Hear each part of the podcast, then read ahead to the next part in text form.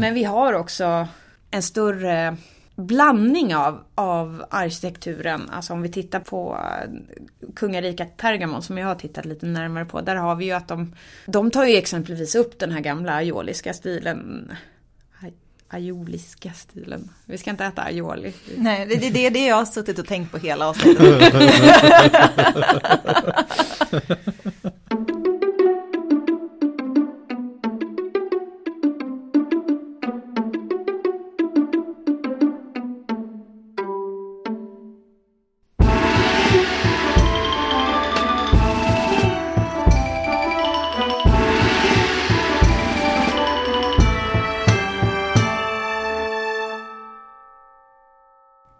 Hej och välkomna till Podius Castus, en podd om antiken.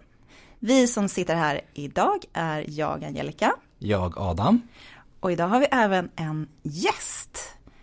Frök, nej fru. Nej. Madame, vilket, eh, vad ska vi säga? Ja, fru eller doktor? Fru, doktor, ja fru doktor. Nu blev vi tyska. Doktor Therese Emanuelsson Paulsen. Jag kan inte uttala ditt namn. Det är okej, det kan jag. det är bra att någon av oss kan göra det i alla fall. Eh, men istället för att kalla dig för doktor Therese Emanuelsson Paulsen, vi kan kalla dig för Tess. För det är det, Ja. det är då vi brukar. Fru doktor Tess. Fru doktor Tess. eh, så Tess, vem är du? Eh, jag är en antikvetare som håller på och eh, studerar eh, grekisk arkitektur. Framförallt eh, den doriska och eh, mycket lokala variationer inom arkitekturen. Och jag har skrivit min avhandling som heter Polygonala kolonner i grekisk arkitektur där jag tittar just på det här, en specifik kolonntyp. Spännande! Mm. Och eh, vad, är det, vad är det vi har, vänta, vad har att vänta oss idag? Den frågan förbereder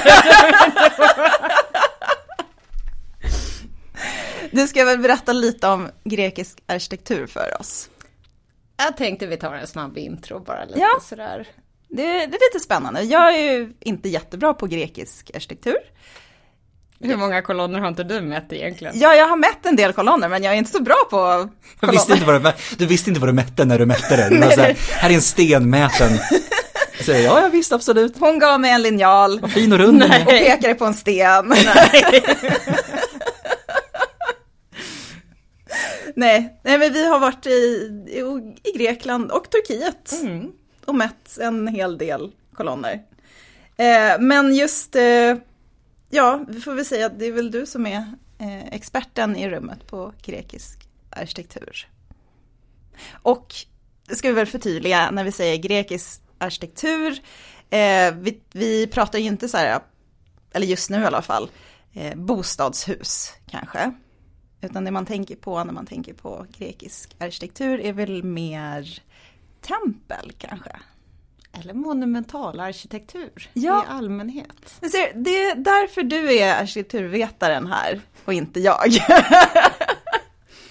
det finns ju många som studerar privatarkitekturen också, men eh, det är inte jag. Nej. Eller i, inte i min avhandling i alla fall. jag, jag tittar gärna på vanliga byggnadsmurar också. Men i avhandlingen så höll jag på med kolonner och mm. monumentalarkitekturen. Men Tess, Hej! Hej! Vill du berätta lite om grekisk arkitektur för oss? Ja, det kan jag väl kanske göra. Det är väl därför jag är här antar jag. Ja. Ja, när de flesta tänker på grekisk monumentalarkitektur så tänker man på framförallt eh, tempel med kolonner hela vägen runt byggnaden. Och de här finns ju över hela den grekiska världen. Och när vi pratar den antika grekiska världen då pratar vi mer eller mindre hela Medelhavet. För det var ju så att det fanns kolonier överallt och alla städer måste ju ha ett tempel. Mm. Men de här templen kan komma i lite olika stilar. Och det är framförallt fyra olika stilar som vi har inom den grekiska perioden. Och då pratar vi ju fram tills Rom tar över och det är lite olika vad, när detta är, men runt 100-talet beroende på i vilken ända av Medelhavet man är. Mm.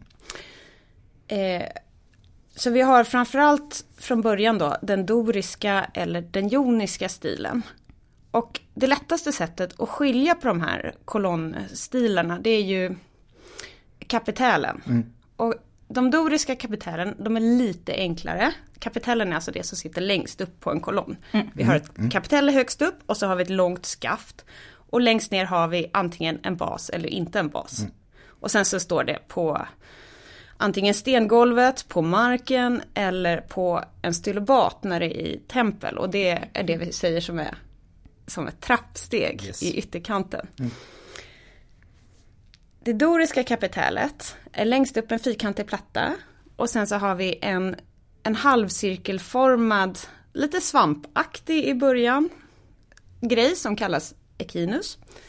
Och under det så kommer själva kolonnskaftet.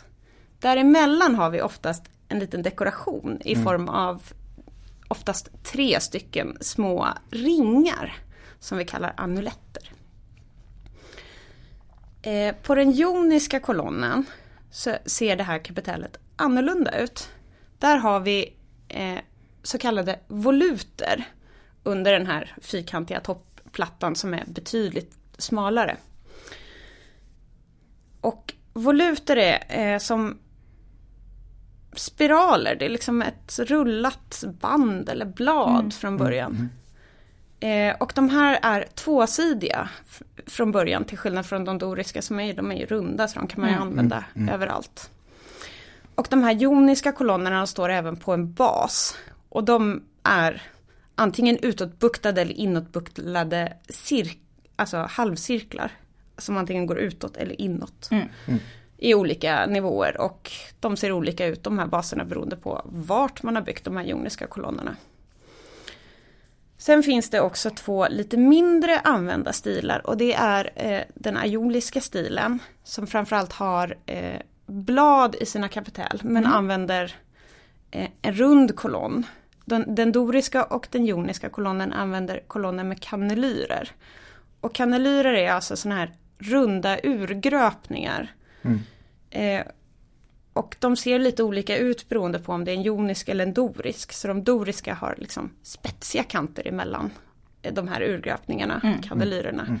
Så kallade arisser. Medan eh, joniska har då platta kanter. Så det blir lite som en platt näsa brukar man säga. Sen finns ju även de eh, korintiska kolonnerna. Men de är väldigt ovanliga i, i den grekiska tiden. Och de första uppkommer ju först på eh, 450-400 på Peloponnesos. Men de används inte i en ytterkolonnad förrän på 200-talet. För, och alla, alla grekiska datum är före Kristus. Då. Eh, men den blir egentligen inte poppis förrän i, som, som den yttre kolonnaden, förrän i romersk tid. De används inne i byggnaden men inte på utsidan av byggnaden. Eh, de här kolonnerna var ju som sagt var då inte alltid med kanylyrer utan de kan även vara runda eller polygonala. Som är det som jag har tittat lite närmare på. Då. Och vad betyder det? En polygonal kolonn är en kolonn som har liksom platta sidor istället för urholkningar. Och om de här platta sidorna så är precis lika stora runt om hela, precis som att kanelyrerna är ju lika breda runt om hela kolonnen. Då är den polygonal. Är de ojämnt stora, då brukar vi säga att den är facetterad. För en sån här platt sida på en polygon kallas oftast facett.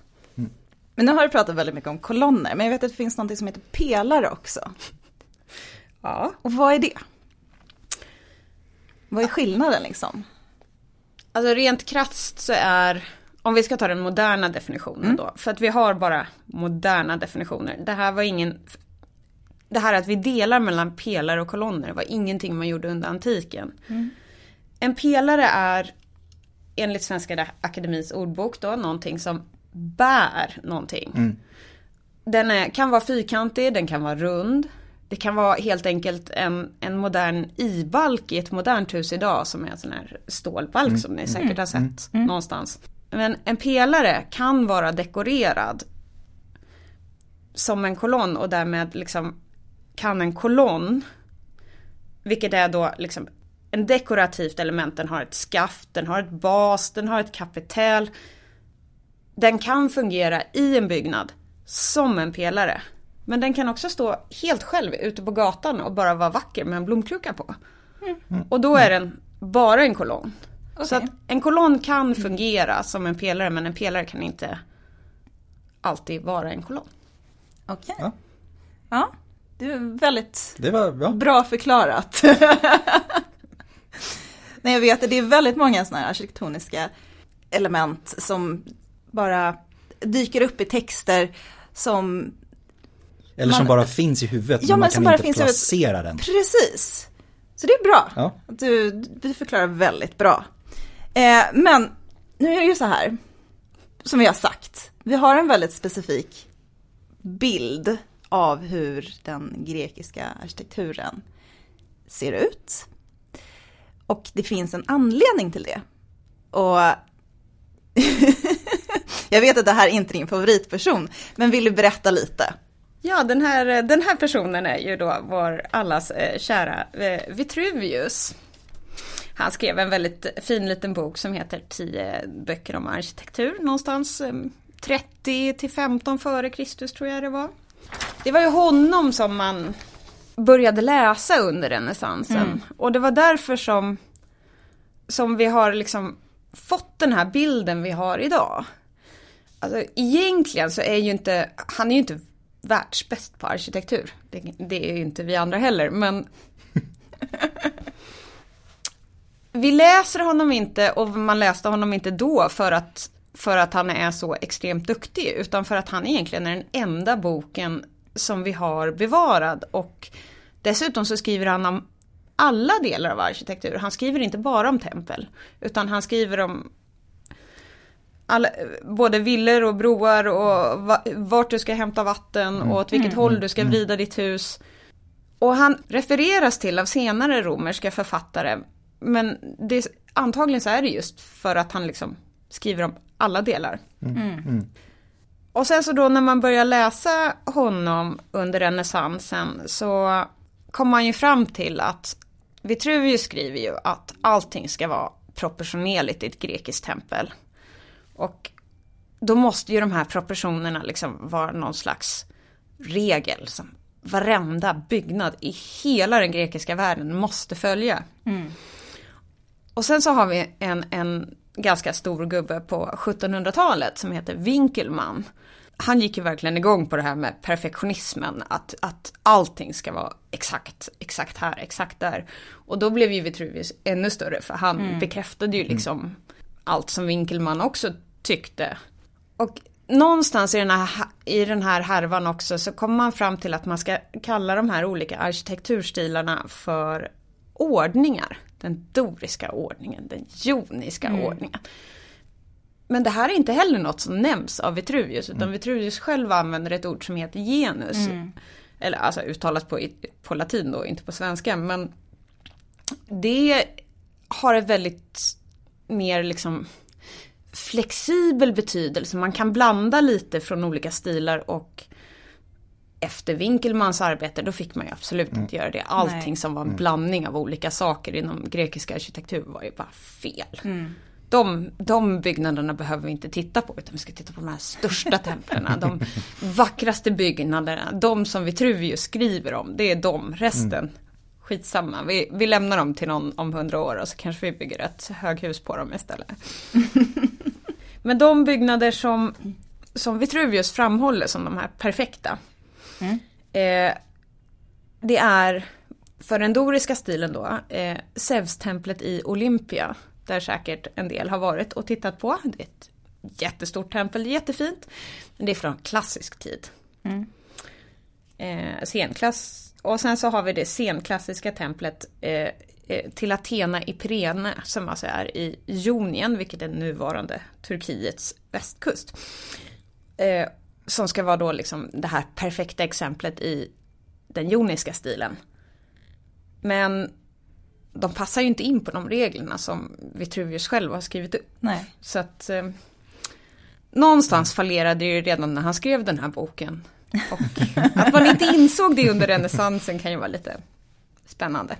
Ja, fast man kanske såg förbi det på grund av alltså, storheten av dem.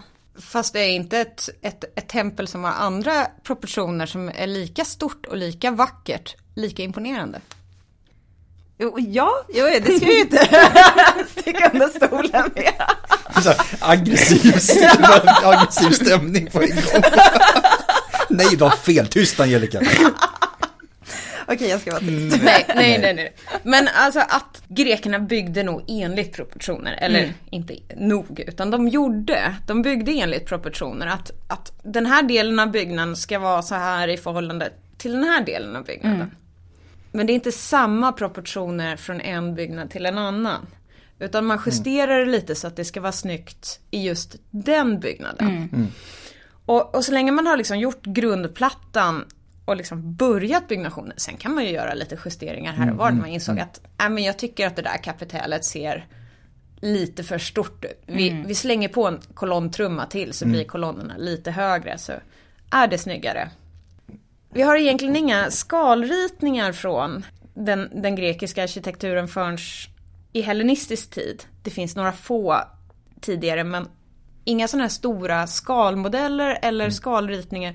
Idag så har vi ju liksom en, en 3D-CAD-ritning av en hel skyskrapa in, flera år före vi börjar bygga Just den. det. Men då, man byggde enligt proportioner, man räknade ut, här ska det vara så och så. Och sen lite viktigare detaljer, de kanske man gjorde en skalmodell av istället. Att antingen att man gjorde en mindre modell eller att man helt enkelt gjorde ett kapitel. Antingen i trä eller till och med i den stenen man skulle göra så man kunde stoppa in det i byggnaden sen som det sista. Och sen fick de här fina stenhuggarna helt enkelt kopiera det i så många man skulle ha.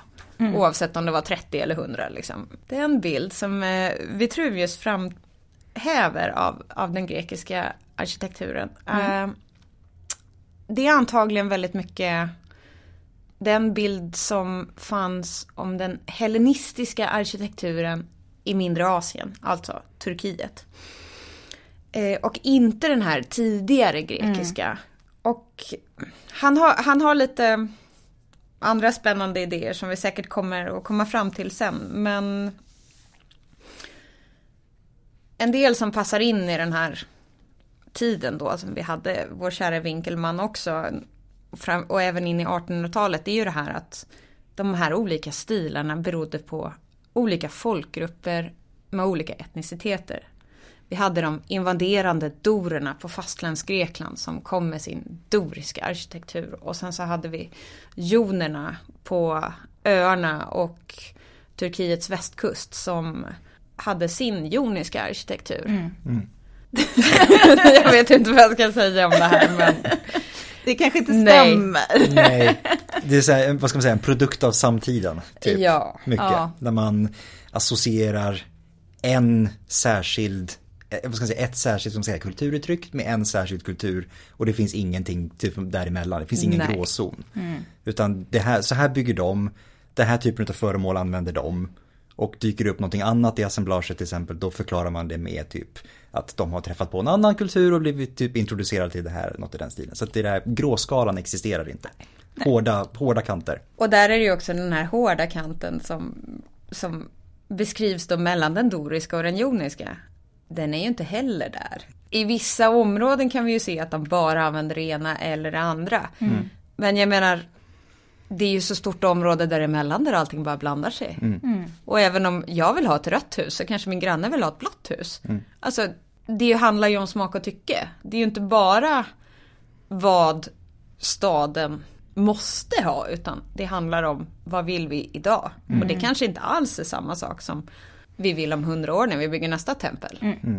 Alltså Akropolis har ju både doriskt och joniskt.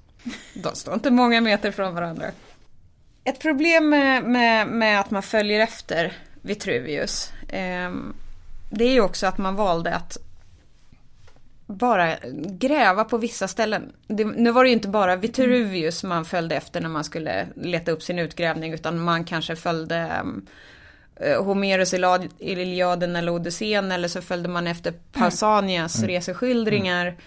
Man hittade sina mest kända byggnader genom att läsa antika skrifter och så skulle man gräva. Vilket betyder att man gräver väldigt mycket i Attika och i Ionien. Och eh, de stora helgedomarna på Peloponnesos. Allt annat då?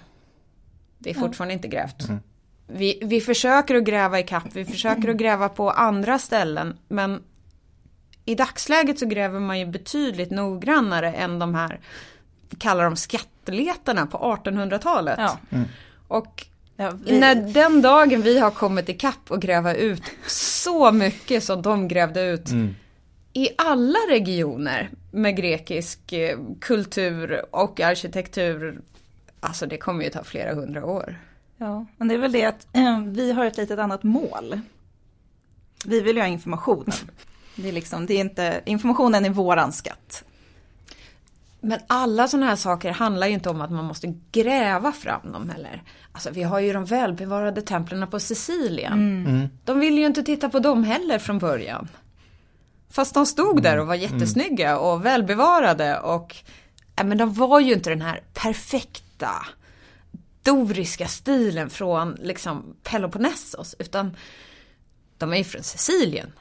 Så de har ju sitt eget smak och tycke. Så de har ju lite små specialiteter mm, sådär. Mm.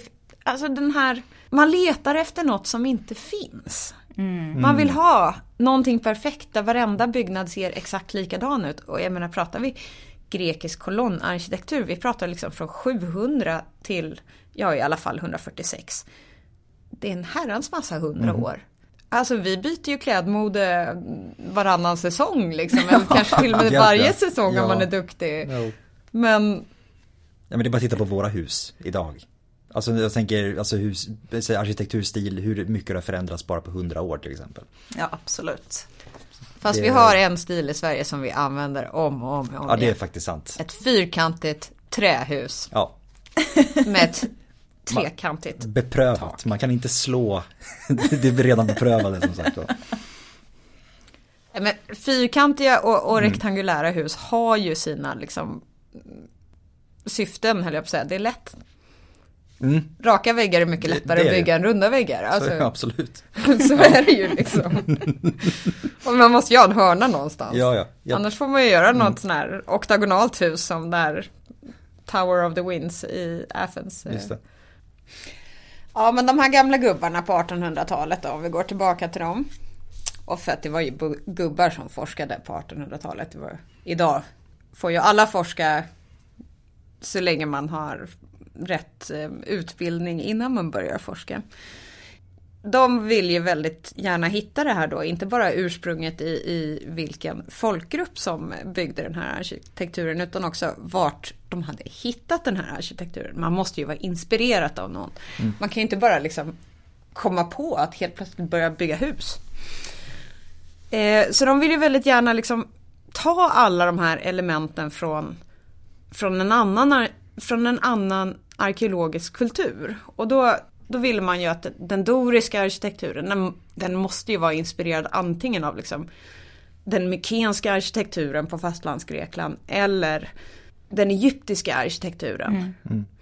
Och, och, för, för den joniska arkitekturen så, så måste ju inspirationen komma från eh, Levanten. Och alltså visst fine, vi kan, vi kan se likheter. Vi, vi, kan se likheter inom allt om vi bara letar tillräckligt noggrant. Men en inspiration är inte samma sak som att arkitekturen är kopierad mm. därifrån. Mm. Man har inte mm. tagit den därifrån bara rakt upp och ner. Man har inte använt samma tekniker mm. när man har byggt den, man har inte använt samma sten. Och i många fall så har vi inte ens använt samma verktyg. Mm. Även om vi ser att, att verktygen liksom sprider sig runt Medelhavet mm. i vissa perioder när man har liksom upptäckt en ny. Men eh, det är ingen kopiering av någon annans arkitektur. Grekernas arkitektur har dragit inspiration av andra kulturer, mycket möjligt, väldigt troligt. Men de har ju fortfarande skapat någonting eget av mm. de här mm. olika influenserna som kommer in i landet. Men rent krasst så vi kan inte säga så mycket om hur, hur arkitekturen före 600 ser ut. Vi har sporadiska exempel eh, men vi har liksom inte samma material överallt eller samma typ av arkitektur överallt. Utan vi har lite arkitektur här och var men problemet är att det mesta är byggt av material som inte bevaras. Om man bygger ett, ett hus av trä eller lertegel eller till och med sån här vad heter det, risväggar med lerklining på och kanske inte ens har ett stenfundament. Mm. Då är det väldigt svårt för oss att hitta det här huset arkeologiskt sett. Och har man dessutom ett halmtak eller ett grästak då, då kanske det inte finns någonting mer kvar än typ stolphål. Mm. mm. Och om det här då var någonstans där man sen har en stad så kanske man har skalat av de här stolphålen och sen lagt fundamenten för ett nytt hus mm. eller mm. mm. monumental byggnad ovanpå. Så då har vi ingenting bevarat. Nej. Mm. Men, det, är, det är väldigt spännande det här just med eh, materialet. För att ja, när man börjar studera antiken så är det väldigt mycket det här sten, marmor. Men det är ju först när man gräver vidare lite, lite mer som man tänker att ja men de andra materialen då? Och det är ju inte så många, om vi alltså, tittar på det, det är inte så många tempel som är faktiskt byggda i 100% sten eller marmor. Nej. Alltså, tittar vi på Peloponnesos, deras huvudsakliga byggnadsteknik är ju väldigt, väldigt länge lertegel. Mm. Och då har man helt enkelt stenkolonner och sen så kan man fortfarande ha en cellavägg som är liksom det här fyrkantiga rummet i mitten. Att de väggarna är fortfarande byggda av lertegel. Man behövde mm. inte alls ha sten till hela byggnaden. Mm. Det viktigaste var ju att det här var en imponerande byggnad för guden. Mm. Liksom. Mm. Men det vi kan säga det är ju liksom att, att den här arkitekturutvecklingen av kolonnarkitekturen som vi pratar om nu. För det är kolonnarkitektur vi använder, i, inte vi, de använder i templen. eh, och som vi tänker på när vi pratar om tempel. Absolut. Mm. Eh, men fram till sådär någon gång 750-700 så då hade de flesta eh, grekiska områden inte en specifik lokal för, för liksom religiös utövning. Och i vissa områden så är det till och med in i 600-talet att de fortfarande inte har liksom mm. en byggnad som är dedikerad åt en gud eller flera gudar mm. utan det var liksom man använde en plats i sitt eget hus eller man mm. använde en plats i härskans hus beroende på vad man hade för system i just den staden.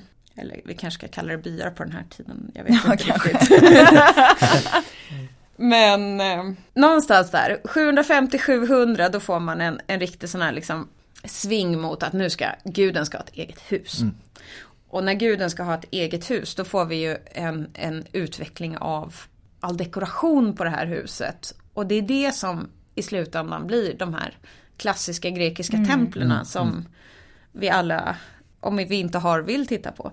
Sen går det väldigt fort när vi kommer in i 600-talet alltså, jag skulle inte säga att vi inte har några byggnader med kolonner före 750-700 men de är sporadiska och utspridda på olika ställen.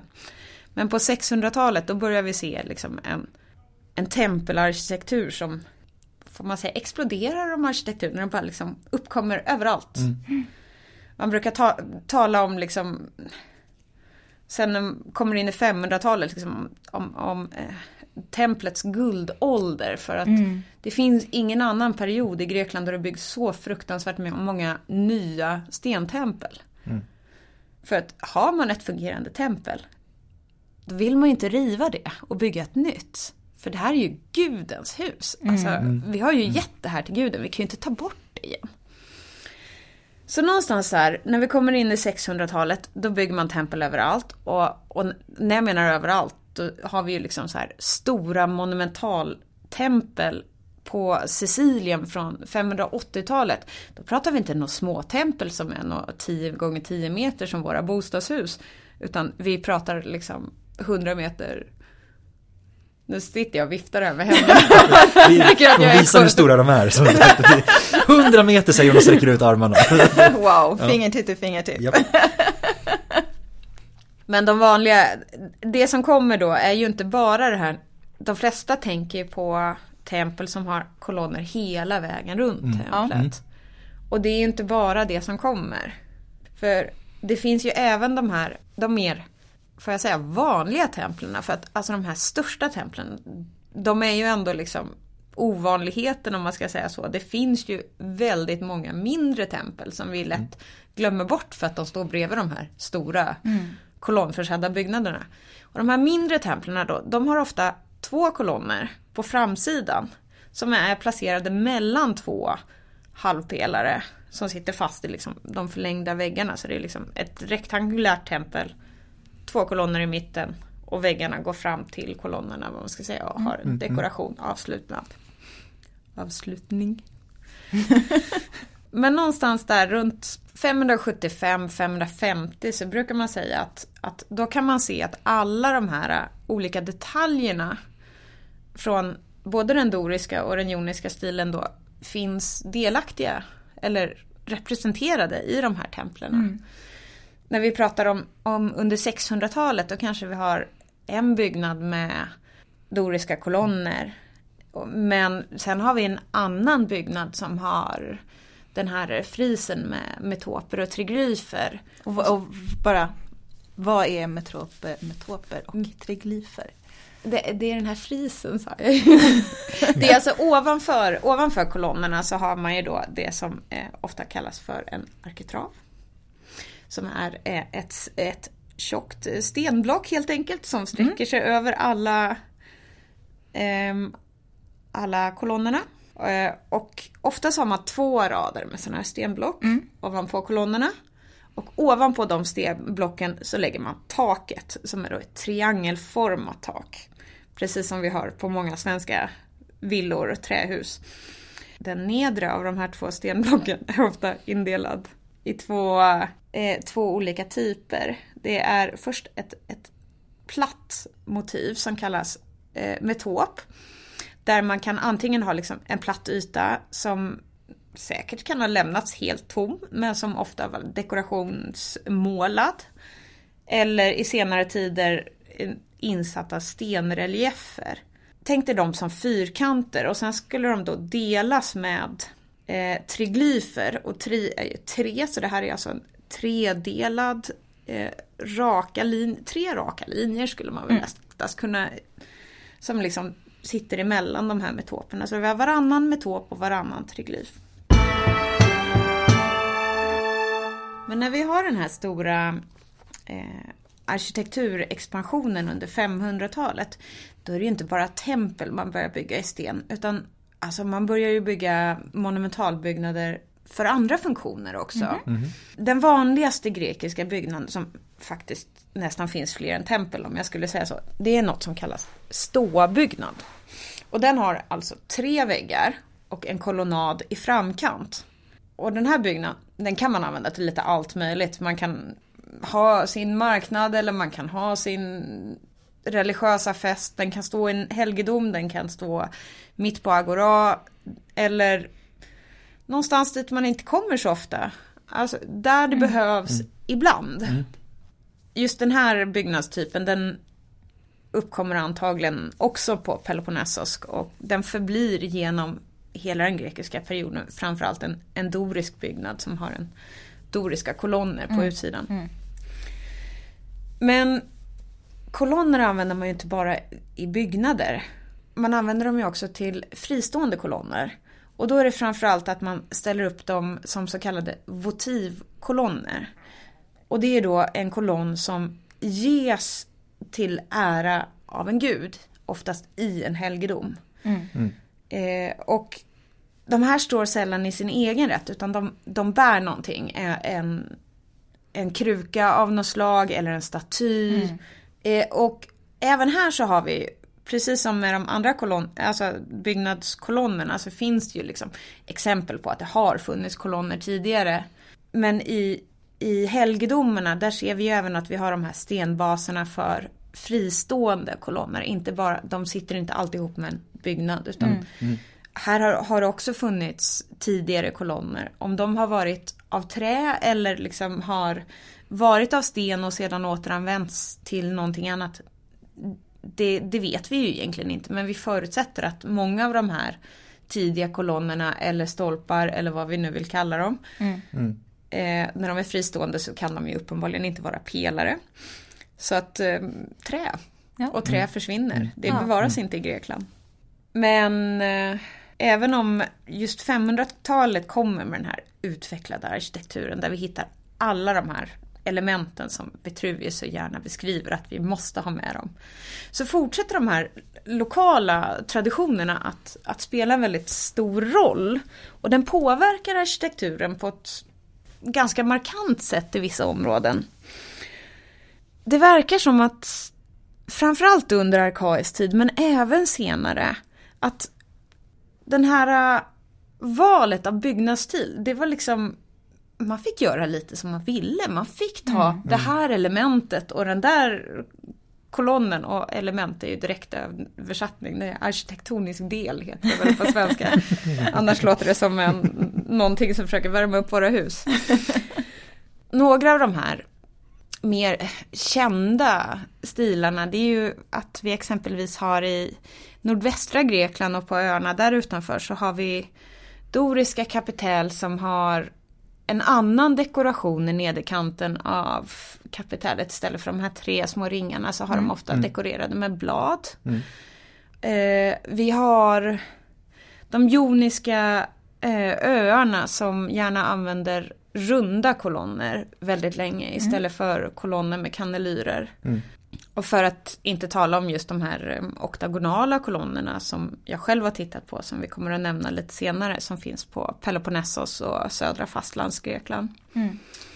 Den joniska arkitektur, det här var ju då framförallt då doriska egenheter eller vad man ska säga, lokala stilar. Den joniska arkitekturen var från en början ännu mera eh, individuell. Alltså varje stad har sina egna nischer och även i senare tid så pratar man ju om att man har en attisk-jonisk bas och, och sen så har vi ju då den här stilen som vi nämnde kanske i början, den aioliska stilen som är alltså den här regionen som ligger ovanför Jonien. Jonien ligger ungefär mitt på Turkiets västkust och så ligger Aiolien precis ovanför. Och arkitekturen där, den används i, i tempel något tidigare än den joniska eh, stilen.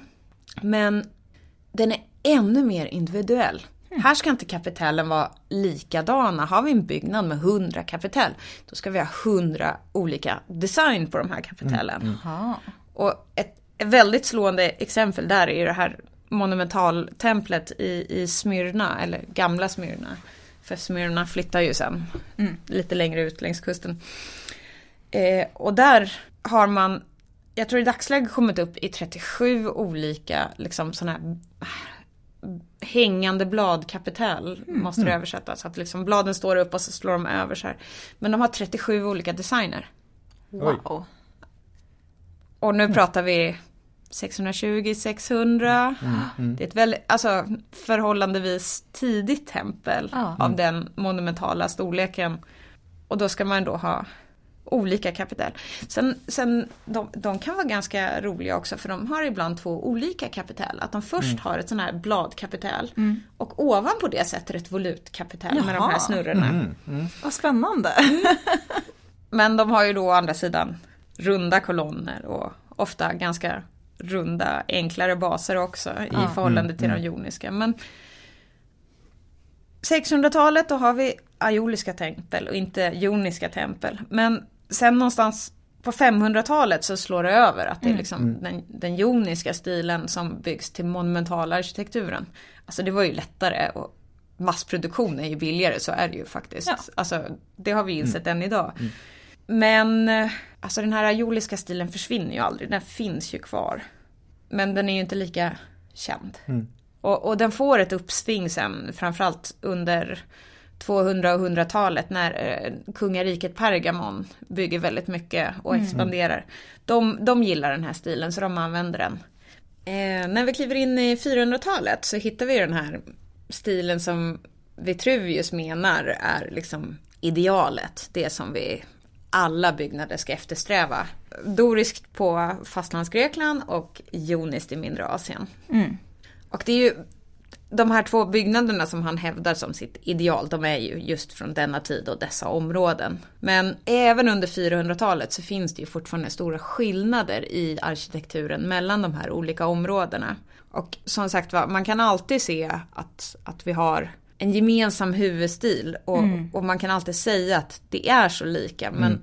tittar man på detaljer eller tittar man på liksom proportioner, det finns lokala variationer som lever kvar från liksom den här tidigare lokala utvecklingen. Mm. mm. Ett exempel man brukar säga det är ju liksom att, att på det doriska fastlandet så under um, arkaisk tid så är kolonnerna korta och tjocka och sen under klassisk tid så blir de långa och smala. Mm. mm. Det, det är många som har hört det här men man kanske inte alltid tänker på att det betyder ju inte att kolonnerna faktiskt är längre. Nej. Utan bara att de är liksom, mm. de klassiska kolonnerna ska ju då vara smalare i förhållande till längden. Mm. mm. Så de, om du ställer två kolonner bredvid varandra så kanske de är lika långa, bara att den ena är lite tjockare och den andra är lite smalare. Mm. Det är dock inte alltid korrekt. Det finns lite roliga exempel på det här, exempelvis i, i eh, Tempel G i Selinunte på Sicilien så är det, är det så att det är tvärtom. De tjocka kolonnerna är de som är från klassisk tid. Mm. Och de smalare är de som är från den arkaiska perioden. Mm. Och eh, de polygonala kolonnerna som, som eh, jag har tittat på, de är också just så här att de är, är väldigt mycket smalare eller har då liksom mm. högre förhållande i, i, i, förhållande till höjden på kolonnerna. Just under den arkaiska perioden. Mm. Ja, Vitruvius eh, framhåller ju att det finns en eh, nedgång i grekisk arkitektur, vilket han som vanligt inte riktigt berättar när det här skulle ha skett, utan de äldre forskarna placerar det här i skiftet mellan den klassiska och den hellenistiska perioden som brukar sägas inleds av Alexander den store 323. Eh, igen så har vi då liksom att det arkeologiska materialet, det berättar ju en annan historia än den som Vitruvius säger. Vitruvius menar ju att under hellenistisk tid så bygger man bara joniska tempel och inga doriska tempel. För att den här doriska stilen, den lämpar sig ju inte alls eh, lika bra för de proportioner som man ska använda när man bygger ett tempel.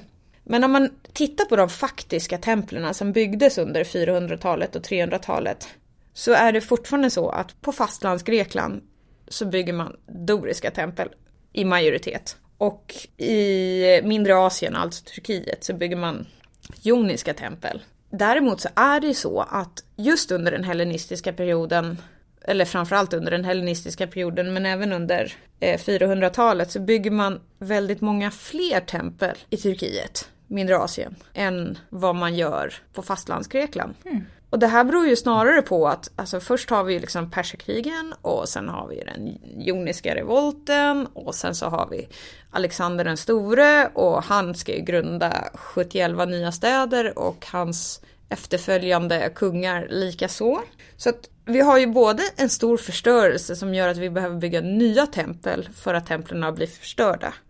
Och sen har vi en massa nya städer som måste ha en massa nya tempel. Och därför så bygger vi, mm. eller inte vi fortfarande, utan de. de byggde många fler tempel. Det är så när man är så inne i sin forskning. ja. man, man refererar till det liksom i första person.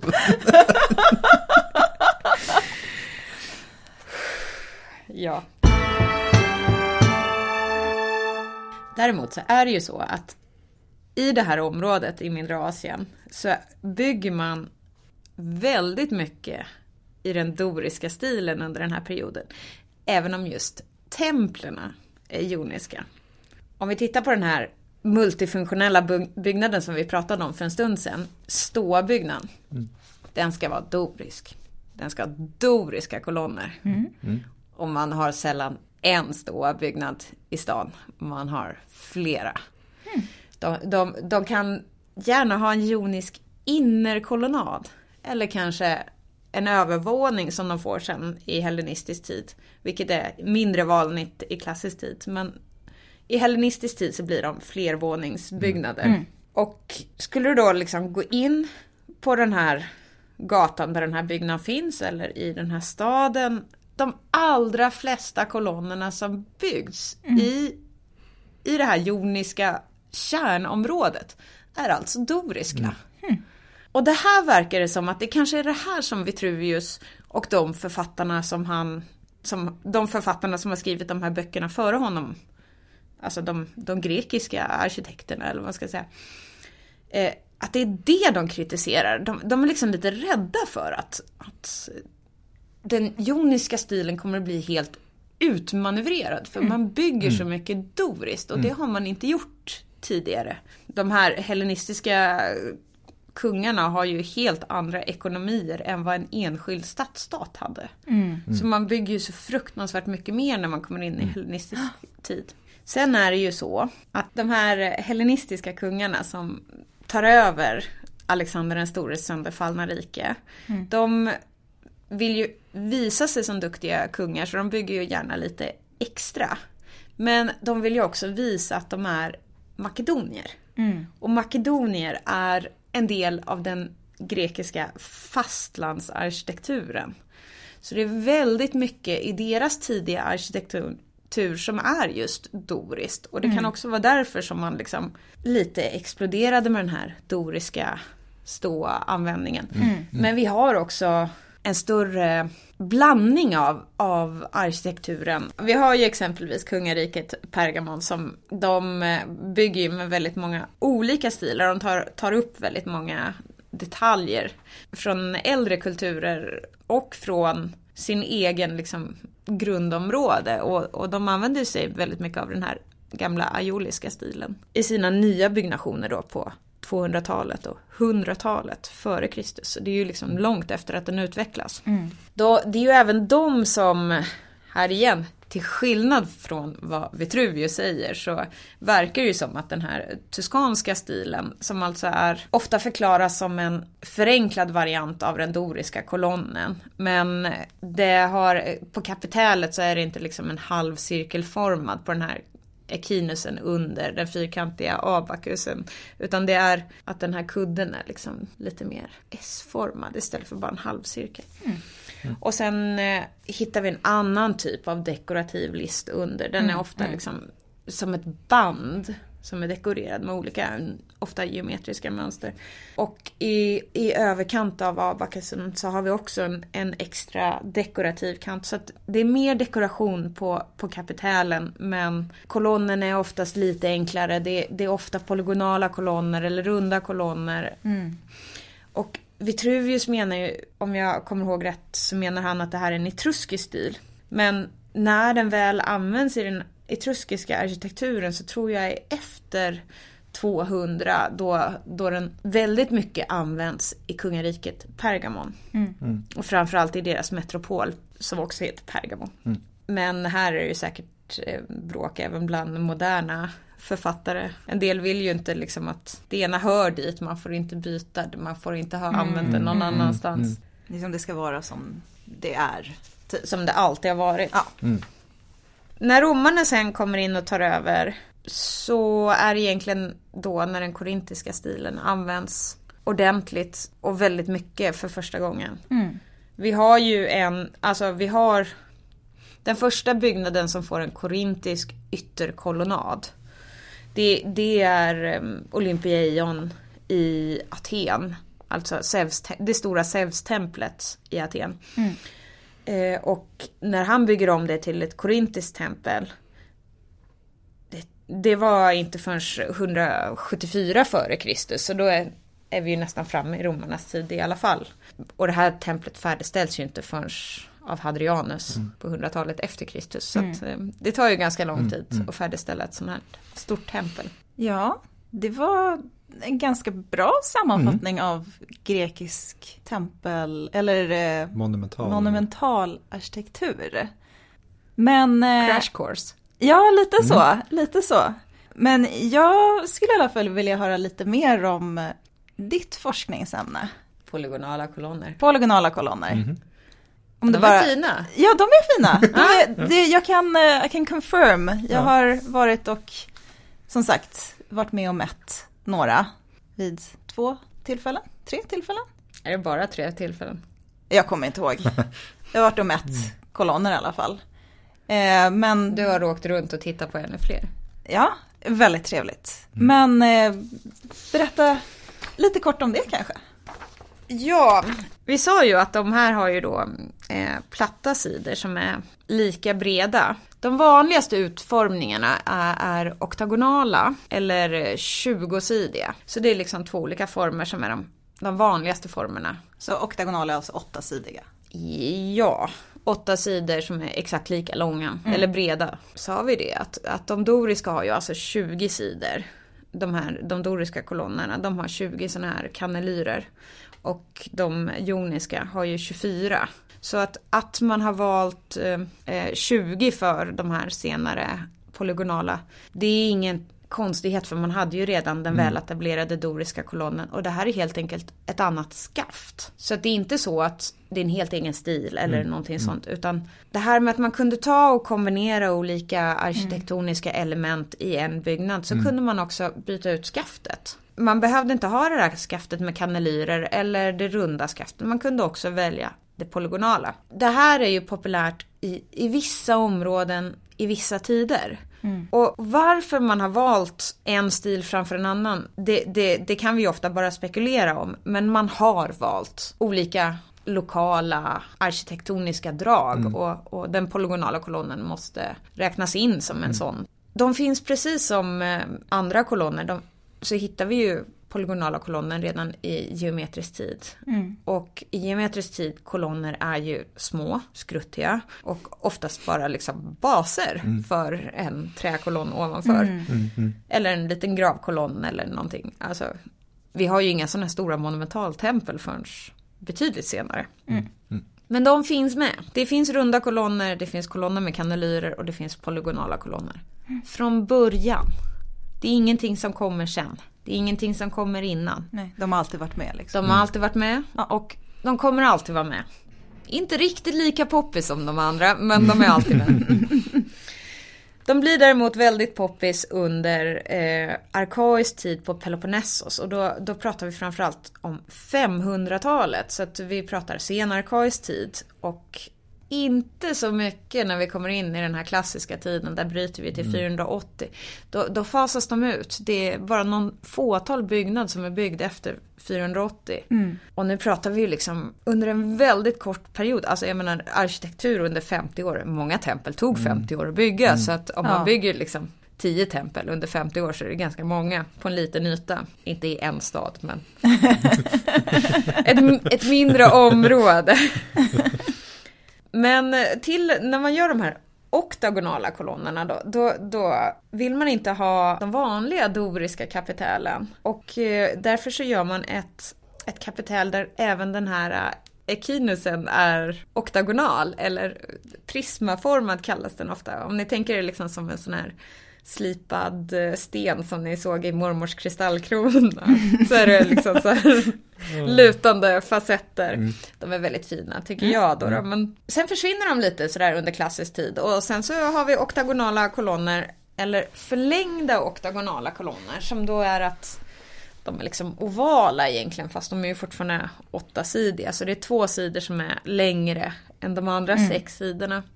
Och de här eh, används väldigt mycket i västra Grekland och eh, i Albanien. Som då är det område som kallas Epirus i Grekland alltså och så Illyrien uppe i Albanien. Under 300-talet, kanske 400-talet men lite tveksamt. Men 300-talet före Kristus i alla fall. Eh, så har vi att de igen blir liksom väldigt poppis. Mm. Och med likadana sådana här åttakantiga kapitell igen. Mm. Doriska, alltid doriska. Och sen så har vi då ungefär samtidigt, eh, under 300-talet kanske någon byggnad från 400-talet. På de Egeiska öarna så kommer mm. de här 20-sidiga polygonala kolonnerna som då används med normala doriska kapitell. Mm. Samma, samma typ av kapitell som mm. vi hittar på alla andra doriska kolonner. Och sen någon gång i början av 200-talet så sprider de sig till, till uh, Turkiets västkust och kungariket, mm. Pergamon, mm. som plockar upp det här. För de ska ju, nu har vi här, är det 180, någonstans 181 freden i Magnesien och så ska de liksom expandera.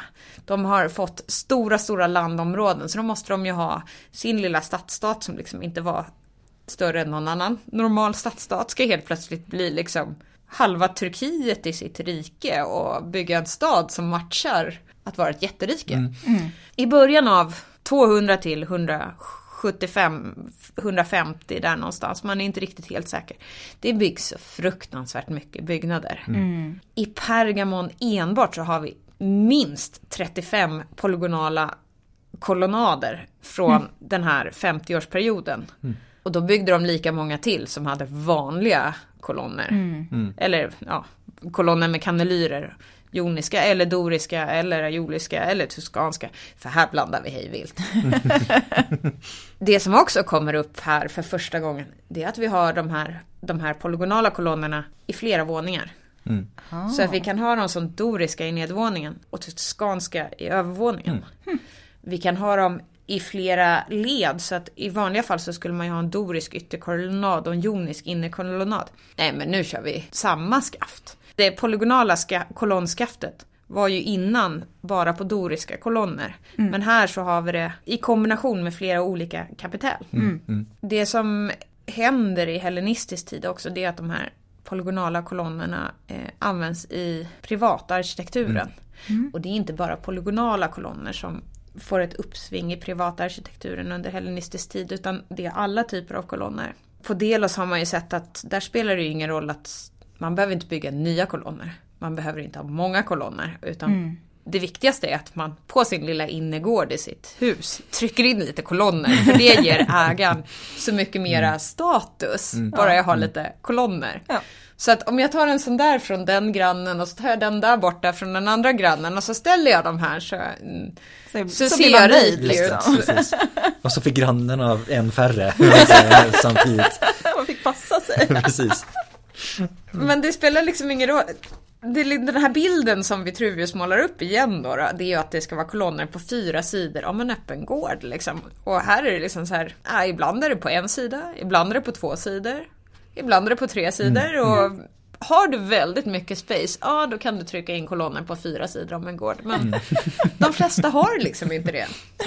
Utan det viktigaste verkar vara här att att ha mm. kolonner. Mm. Det är en statussymbol att ha kolonner. Det är inte, alltså ett av de här sakerna som man liksom har bortförklarat de här polygonala kolonnskaften med, det är ju att de är billigare att tillverka än en kolonn med kanelyrer. Mm. mm. Ja, det tar kortare tid att göra en platt sida än en, en rund urholkad sida. Det är ju helt naturligt. Mm. Men i förhållande till en trästolpe eller en stenpelare mm. så är ju det spelar ingen roll hur du utformar din kolonn. Den är fortfarande svindyr i mm. jämförelse med en trästolpe. Mm. Ja, alltså att bygga en kolonn är dyrt, det är statushöjande och det är något man vill göra. Alltså, mm. Man gör det inte för att man måste, man gör det för att man vill ha mm. en specifik stil.